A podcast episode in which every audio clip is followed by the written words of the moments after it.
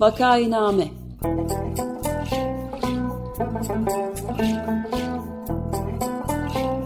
Salgın günlerinde memleket manzaraları.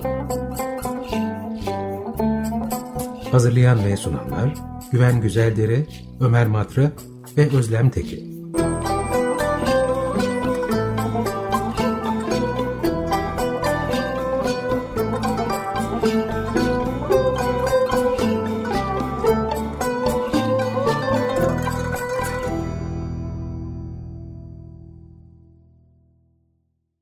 Vakainame'ye hoş geldiniz. 95 FM Açık Radyo'dasınız.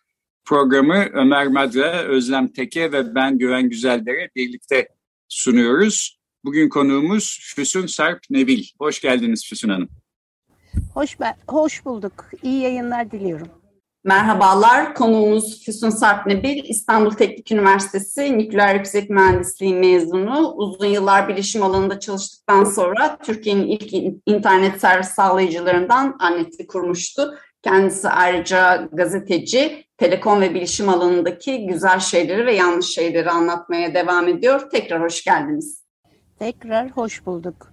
Bugün e, Füsun Hanım konuşmak istediğimiz konuların başında kişisel verilerin güvenliği konusu geliyor. Fakat bu aslında kendisiyle akraba bir başka konuya daha bağlanıyor. Bu diğer konu belki daha genel bir konu. Genel olarak e, bilgiye erişim meselesi. İşte bu aralar malum mecliste geçmek için bekleyen dezenformasyon yasası diye bilinen ya da dijital medya yasası diye ya da sosyal medya yasası diye bilinen bir yasa var.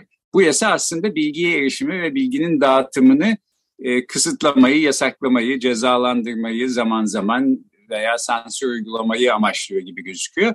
Öte yandan e, kişisel verilere e, erişim son derece e, bir güvenlik kalkanı altında olması gereken bir konu olduğu halde öyle olmadığını görüyoruz. Siz bu konularda birden çok yazı yazdınız T24 e, haber sitesinde. Hatta bu konuları da birbirine bir şekilde bağladınız.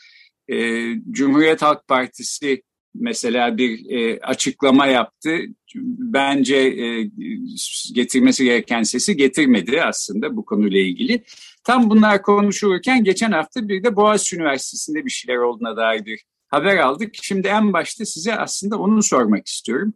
Benim anladığım kadarıyla e, bir üniversitenin bilgisayar hizmetinden faydalanan herkes yani o okulun e, öğretim üyeleri, öğrencileri, mezunları, işte çalışanları kimse bu bilgilerin güvenilir ellerde olduğu ve e, işte kimseyle paylaşılmayacağına dair bir e, anlaşma en azından örtük bir anlaşma ve bir güven hissiyle hareket ederler. Ben de hep şimdiye kadar böyle davrandım. Fakat böyle olduğu halde e, Boğaziçi Üniversitesi öyle gözüküyor ki bir e, ihale açmış herkesten habersiz ve bir özel şirkete işte bu bilgilere erişim imkanı sağlamış. Bu konuyu gündeme getiren e, üniversitenin öğretim üyelerinden oluşan Bilgi Teknoloji Kurulu da e, çok ciddi bir saldırı altında kaldı. Özellikle bu yandaş medya dediğimiz medya tarafından hedef gösteriliyorlar e, filan. Oysa işlerini yapıyorlar ve bence çok önemli bir şey yapmaya çalışıyorlar. Ee, şimdi biraz bunları yani bu mesele Boğaziçi Üniversitesi ile sınırlı değil fakat Boğaziçi Üniversitesi özelinde bir şekilde bir odağa oturmuş oldu. Belki oradan başlayarak ve sonra istediğiniz gibi genişleterek bu e, kişisel bilgiler, e, kişisel veriler ve bunların güvenliği konusunu biraz konuşabilir miyiz? Tabii ki. Güven Bey, Boğaziçi Üniversitesi'nde bir buçuk yıla e, herhalde buldu artık e, akademisyenler bir protesto yürütüyorlar. Ve bu protestoyu dikkat ederseniz kar, buz, yağmur, çamur devam ettiriyorlar aynen. Çünkü üniversiteler sizlerin de bildiği gibi özel olması gereken ortamlar ve bu ortamlarda insanların e, bilim yapması lazım. Ama geçen sene Melih Bulu'nun atanmasıyla birlikte başlayan bir problem var orada Boğaziçi Üniversitesi'nde.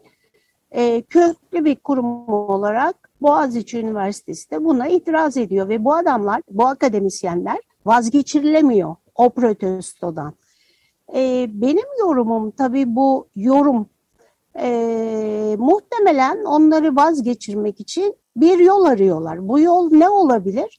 Onların bazıları hakkında belki gizli bilgiler e, veya e, bu protestoların örneğin nasıl programlandığına dair aralarındaki haberleşme, yazışma belki de daha ilerisi çünkü dün geceki gelişme yani bu verilerin polise verilmesi daha da tuhaf.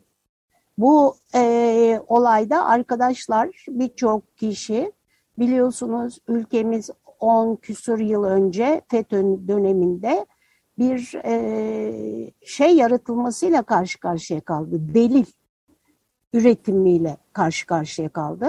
Belki de böyle bir şey yapmaya çalışıyorlar. Bilemiyoruz tabii ama hoş değil. Özeti bu. Bu olay aslında Edward Snowden'in 2013'te ortaya koyduğu olaydan hiç farklı değil Güven Bey. Hatırlıyorsunuz o olayı değil mi? Evet. Guardian'da evet. yayınlandı. E, oradaki olayda e, bence Edward Snowden e, bir kahramandır bu anlamda. Çünkü rahatını bırakıp bunları ortaya koydu. Orada yapılan şey neydi? Devletin elini daldırıp bütün insanların kitlesel olarak bilgilerine erişmesiydi.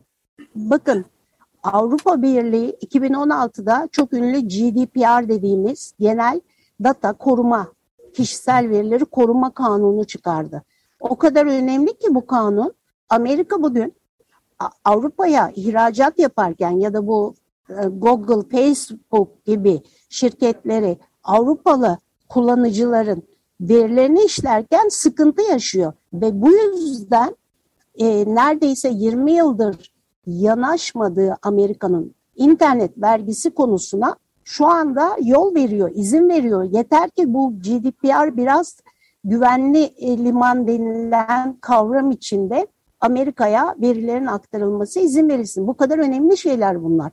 Yani kişisel veriler 1981 yılında Avrupa Birliği kişisel veriler talimatını ortaya koydu. Ne zaman? Bilgisayarların yaygınlaşmaya başladığı yıllarda. Bunu internetin yaygınlaşmaya başladığı 95'lerde bir çerçeve haline koydu ve üye ülkelere dedi ki kişisel verileri bu çerçeve çerçevesinde inceleyin.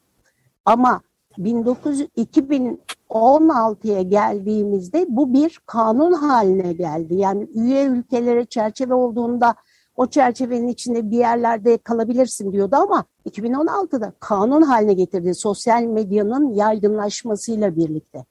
Dolayısıyla kişisel veriler bu kadar önemli. Anlatabildim ee, mi? Evet ve yani şöyle bir örnek vermeye çalışayım o halde kişisel verilerin e, güvenliğinin zafiyete uğratılması aslında yani belki bunu yeterince önemsemiyoruz ama ben diyelim Boğaziçi Üniversitesi'nden bir elektronik posta adresine sahipsem işte boğunedu.tr diye biten bir e, adrese bu adresi açmak için verdiğim e, kişisel bilgiler ve bu adresle ne yaptığımın tamamıyla gizli kalacağını e, düşünebilmem gerekir. Yani nasıl evimin kapısından girdikten sonra kapıyı kapatıyorum ve kimse beni içeride gözleyemiyorsa e, bilgisayar ortamında da aynı şekilde bir güvenliğe sahip olmam gerekir. Fakat Boğaziçi Üniversitesi bunu ihlal ediyor e, diye anlıyorum. İhlal edince de e, bu üniversitenin öğretim üyelerinden oluşan bilgi e, teknoloji kurulu e, gidip bir inceleme yapıyor. Bu kurulun başında daha önce Açık Radyo'da e, birkaç kez e, konuk olmuş olan Profesör Tuna Tuğcu var. E, siber güvenlik konularını Türkiye'de en iyi bilen insanlardan birisi. Dolayısıyla hemen tespit ediyorlar bir e, kuralsızlık olduğunu. Fakat kuralsızlık olduğunun tespiti e, okulu ve bu atanmış rektörü sinirlendiriyor anladığım kadarıyla. Dolayısıyla böyle bir e, saldırı başlıyor e, aslında e, hukuksuzca, yasal olmayan bir şeyin yapıldığını tespit eden ve önemli bir görev görmüş olan öğretim üyelerine karşı. E, şimdi bu mesele tabii bir tek Boğaziçi Üniversitesi ile de alakalı değil. Türkiye genelinde de böyle bir kişisel verilerin güvenliğinin e, zafiyete uğratıldığını siz yazdınız birkaç sefer. E, bu ne anlama gelir ve e, niçin önemli bir şeydir? Şimdi Boğaziçi'ne tekrar bir iki şey e, eklemek isterim. Tabii. Boğaziçi'nde üst üste birkaç tane hukuksuzluk var. Bir tanesi oradaki ihalenin yapılış tarzı. E, kimseye haber verilmeden gizli bir ihale yapılıyor.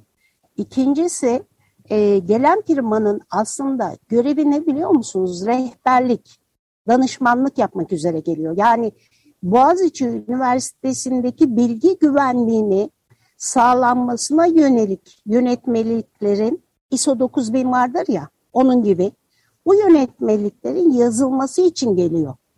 Şifre istemesi gerekmiyor. Böyle bir şey çok lüzumsuz. Neden istiyor? Soru işareti. Dolayısıyla burada birden fazla. Sonra e, mesela e, Naci İnci Bey, rektör, neden acaba BTK'yı haberdar etmiyor? Çünkü bu kurul zaten bilgi e, merkezinin, bilgi e, teknolojileri merkezinin iyi çalışmasını, güvenli çalışmasını sağlamak üzere kurulmuş, üniversitenin de profesör olmuş hocalarından kurulu bir yer. Yani bunların çağrılıp bunlarla birlikte yapılması gereken bir şey ama onun yerine gizli bir ihale yapılıyor, şifreler veriliyor. Bunun ne olduğunu anlamaya çalışan BTK'da birdenbire diskalifiye ediliyor ortalıktan ayaklarının çekmeleri sağlanıyor. Hatta siz de biliyorsunuz soruşturma açılıyor ve dün polise veriliyor bu veriler. Ya bütün bunların hepsinde çok fahiş hatalar var.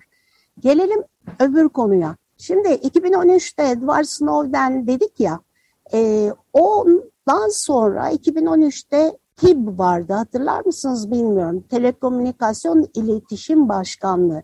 Evet. Tamamen FETÖ'cü insanların içinde bulunduğu bir yapıydı. Bu yapı e, müthiş e, telefon kayıtları filan tutmuş hatırlarsanız.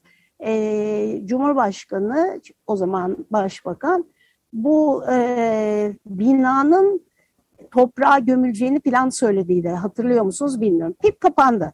Fakat TİP'in o senenin Temmuz ayında ortaya koyduğu bir e, uygulama hala devam ediyor. O uygulama şu. Sunucularda bir internet servis sağlayıcı ya da ses sağlayıcının sunucularından geçen trafik. Neyi kastediyorum? Güven Bey'le Füsun Nebil konuşuyor. Telefonla konuşuyor. Veya internet üzerinden Güven Bey şu siteye giriyor. Veya işte e, Deniz Hanım, e, Özlem Hanım pardon, e, Güven Bey, Güney Hanım, Deniz diye e, ikinci adı, e, hep beraber Zoom yapıyor. Anlatabildim mi? Bunları izliyorlar. Niye izliyorlar derseniz, e, bakın bu kişisel verilerin Türkiye'de çok güvenli saklanmaması nedeniyle özellikle Cumhurbaşkanlığı Denetleme Kurulu'nun 2011'de verdiği bir rapor vardır. O raporda e-devlet uygulamalarını yapan üçüncü parti şirketlerin yetkisiz insanları getirdiği ve onların da kişisel verileri çaldığını söylerler. Bunun sonucunda şu telefon dolandırıcılıklarını yaşadık biz. Yani sizi arıyorlar ve size diyorlar ki işte eşinizin adı bilmem kim. Siz zaten şurada da şöyle yapmıştınız. Ondan sonra da e, böyle bir takım e, kişisel verilerinizden yakaladıkları bilgileri size geri veriyorlar.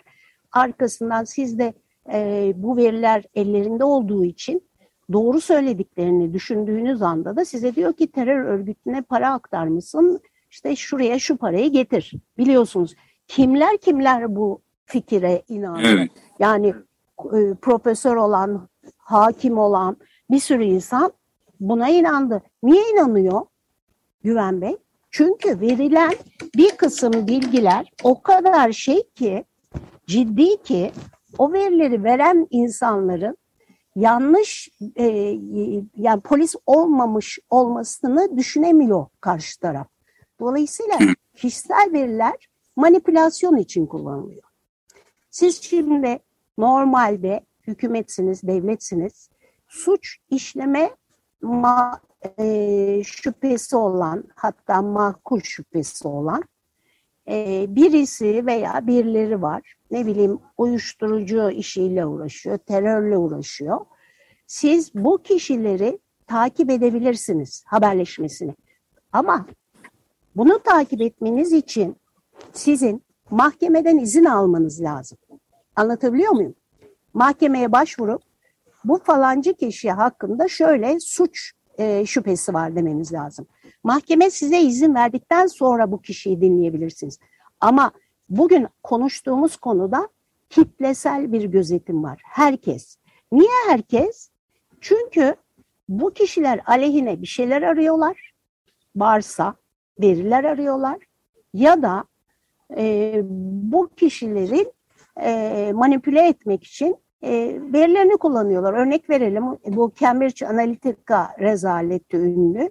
Oradaki olayda e, bu insanların kişisel verileri neden e, etkilendiklerini bulup seçimdeki oylarını etkilemek için kullanıldı. Örnek vereyim. E, zenci bir kişiye Hillary Clinton'ın işte bir lokantaya girip yüzünü buruşturup çıktı gibi sahte bir haber gönderildi Facebook üzerinden. 2 milyona yakın haberin ne olduğu içeriklerinin ve kaç kişiye ulaştığını bugün bile bilmiyoruz. Ama o insanları etkilediler. Ve Trump e, kazanamayacağı bir seçime kazandı. Anlatabiliyor muyum? Yani kişisel veriler bu kadar önemli. Evet, benim şimdiye kadar çalıştığım bütün üniversitelerde ve araştırma merkezlerinde hep bir siber güvenlik e, kurumu vardı, ofisi vardı ya da diyeyim. E, pek çok insan çalıştı. Fakat o kurumun en başındaki en yüksek dereceli amir bile e, kimsenin e, verilerine bakma hakkına sahip değildi. Çünkü bunlar özel veriler.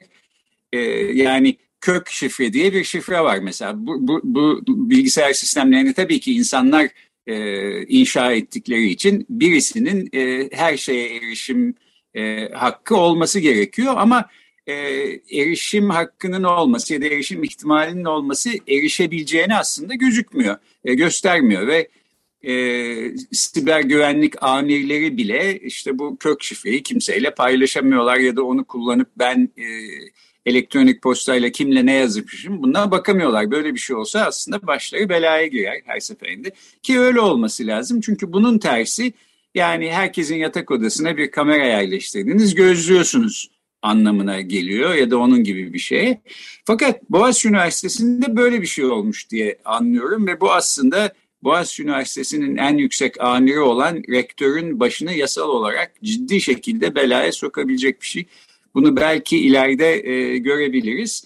Öte yandan Boğaziçi Üniversitesi'nde olan şey Boğaziçi Üniversitesi ile sınırlı değil diyorsunuz siz. Bütün Türkiye'de böyle bir şey yapılmaya çalışılıyor. Yani her taraftan e, bir e, şey var. E, ne diyelim? E, kısı, e, insanları kontrol altına alma operasyonu var. Her taraftan yaklaşıyorlar. Şimdi Boğaziçi diyorsunuz, e, ilgili firmanın referanslarına baktığınızda başka üniversitelerde var. Boğaziçi'nde böyle bir ses çıktı. Öbür tarafta acaba çıktı mı, ne yapıldı bunu bilmiyoruz. Evet. E, aynı şekilde e, öbür tarafta da e, yani e, internet servis sağlayacak bizim haberleşmemizi e, ya, şey yapan, taşıyan firmalar, operatörler. E, bunlardaki e, operasyonu da çok geç duyuyoruz. Yani hemen duymuyoruz. Zaten bugün muhtemelen Türksel, Türk Telekom, Vodafone gibi dev firmalarda bunlar yapılmış durumda. Onlar seslerini bile çıkaramıyorlar. Ee, en son işte daha önce e, şöyle bir şey söylendi. Ee, sunucunuzun aynılarını yani ne kadar bin tane sunucusu varsa bizim haberleşmemizi sağlayan bin tane de BTK için kuracaksınız. Aynı yatırımı ikinci defa yapacaksınız ve oraya trafiği yönlendireceksiniz. Biz o trafiğin içinde ne olacağın olduğuna bakacağız denildi ki e, Boğaz içinde de aynı şey var. Arkadaşlar diyor ki bu şirket e, diyor ki SSL sertifikası yani içine girilemeyen e, e, web sayfalarında e, e, bir sertifika türü var. Onu benim verdiğimi yükle ve trafiği Yani Boğaziçi ile hocaların iletişimi, mailleri, diğer tüm iletişimlerini şu sunucuya yönlendir. Ben oradan bakacağım diyor. Bu da çok enteresan. Ee, üstüne BTK'nın yaptığı ise şu. Diyor ki abone deseni ver bana diyor. Abone deseni denilen şeye bakıyorsunuz. Milli güvenlik diyerek sunuyor. Yani yeni sunmuş değil. 3-4 yıldır biz yeni duyuyoruz. Ve onun abone deseninde sorduğu anasının, danasının her şeyini soruyor. Yani o kadar çok bilgi soruyor ki dava açıldı Telkoder tarafından ve o Telkoder davasında e, itirazlar üzerine mahkeme BTK'ya bu kadar çok veriyi niye istiyorsun diye sordu. Daha o cevap gelmedi. Evet. Evet yani bir yandan da tabii tek insanın elinde müthiş güçler topladığı bir siyasi sistem e, altında e, özel hayatın e, gizliliği filan gibi şeyler e, söz konusu olamıyor anlaşılan. Bu da onunla aslında uyumlu. Peki ben son olarak şunu sorayım. E, şimdi yani Türkiye'de genelinde de Boğaziçi Üniversitesi özelinde de e, başka üniversitelerde olmuş bile yani e, kişisel verilerin güvenliğinin ihlali öyle anlıyoruz. Bir tek Boğaziçi Üniversitesi'nden ses çıktığı ama, için ha, ya da olmuş olabilir. Olmuş olabilir diyoruz. Evet ee, ama yani şunu biliyoruz olmaması gereken şeyler oluyor ve olması gerektiği gibi e, ilerlemiyor bilgi teknolojileri meselesi Türkiye'de. Bunun olması gerektiği gibi bir yola oturtulması nasıl olur? Ee, bununla bitirelim. Yani bütün bunların kaldırılması lazım güvende. Bütün bunların iptal edilmesi lazım. Bunlar talimatlar. BTK tarafından ya da Boğaziçi Üniversitesi'nde bu uygulamaya son verilmesi lazım. Ee, bu, bu saatten sonra yalnız şöyle bir problem var. Bu veriler ele geçti. Yani bu verilerin e, talimatları sus e, şey yaptık, iptal ettik. Bundan sonrası için ancak bundan sonra yaratılacak veriler için geçerli. Ama bugüne kadarki veriler şu anda kaydedildi. Oradan oraya polise kadar gitmiş işte. Evet. Ee, Evet yani e, bundan sonra neler olacağını da aslında tam öngöremiyoruz ama olmaması gereken bir şeyler olduğunu görebiliyoruz. E, öte yandan bu konuyu e, bilen, anlayan ve buna dikkat çeken Boğaziçi Üniversitesi öğretim üyeleri her ne kadar bu sebepten dolayı haklarında soruşturma açılmış olsa da okuldan uzaklaştırma gibi cezalar almış olsalar da bence e, önemli bir teşekkür hak ediyorlar. Yapılması gereken bir şeyi doğru şekilde e, çünkü yapmakta ısrar e, ediyorlar. Peki ben programı kapatırken Bey, bir de küçük... Şey, ha buyurun tabii. Bir şey ekleyeyim. Tabii. Ee, maalesef ülkemizde siz de başta söylediğiniz onursal adı güzelin e, mesajı üzerine yeterince ilgi olmadığını maalesef insanlar kişisel verilerin ne kadar ne kadar önemli olduğunu farkında değiller. Facebook geçen seneden beri kişisel verileri alamadığı için 500 milyar dolar değer kaybetti. Dolayısıyla herkese diyoruz ki lütfen kişisel verilerinizi sahip çıkın, koruyun, savunun. E, tamam, çok teşekkürler. Bu şekilde bitirelim. Şimdi ben programın başında e, birbirine akraba iki konu var demiştim. Bir tanesi bu kişisel bilgilerin e, güvenliği konusu.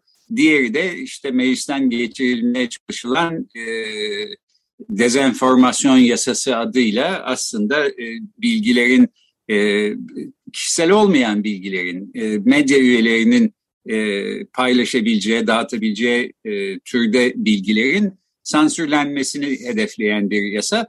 E, bu konuyu konuşmaya bağımsız medya nedir sorusuyla gelecek hafta başlamayı düşünüyoruz. Gazeteci Kemal Can ve gazeteci Cansu Çamlıbel e, bu konuda fikirlerini bildirecekler. Bugün konuğumuz bilgi teknolojileri uzmanı ve yazar Füsun Sarp Nebildi. Çok teşekkür ediyoruz Füsun Hanım. Biz de, ben de teşekkür ederim Güven Bey. Görüşmek üzere. Hoşçakalın. Hoşçakalın.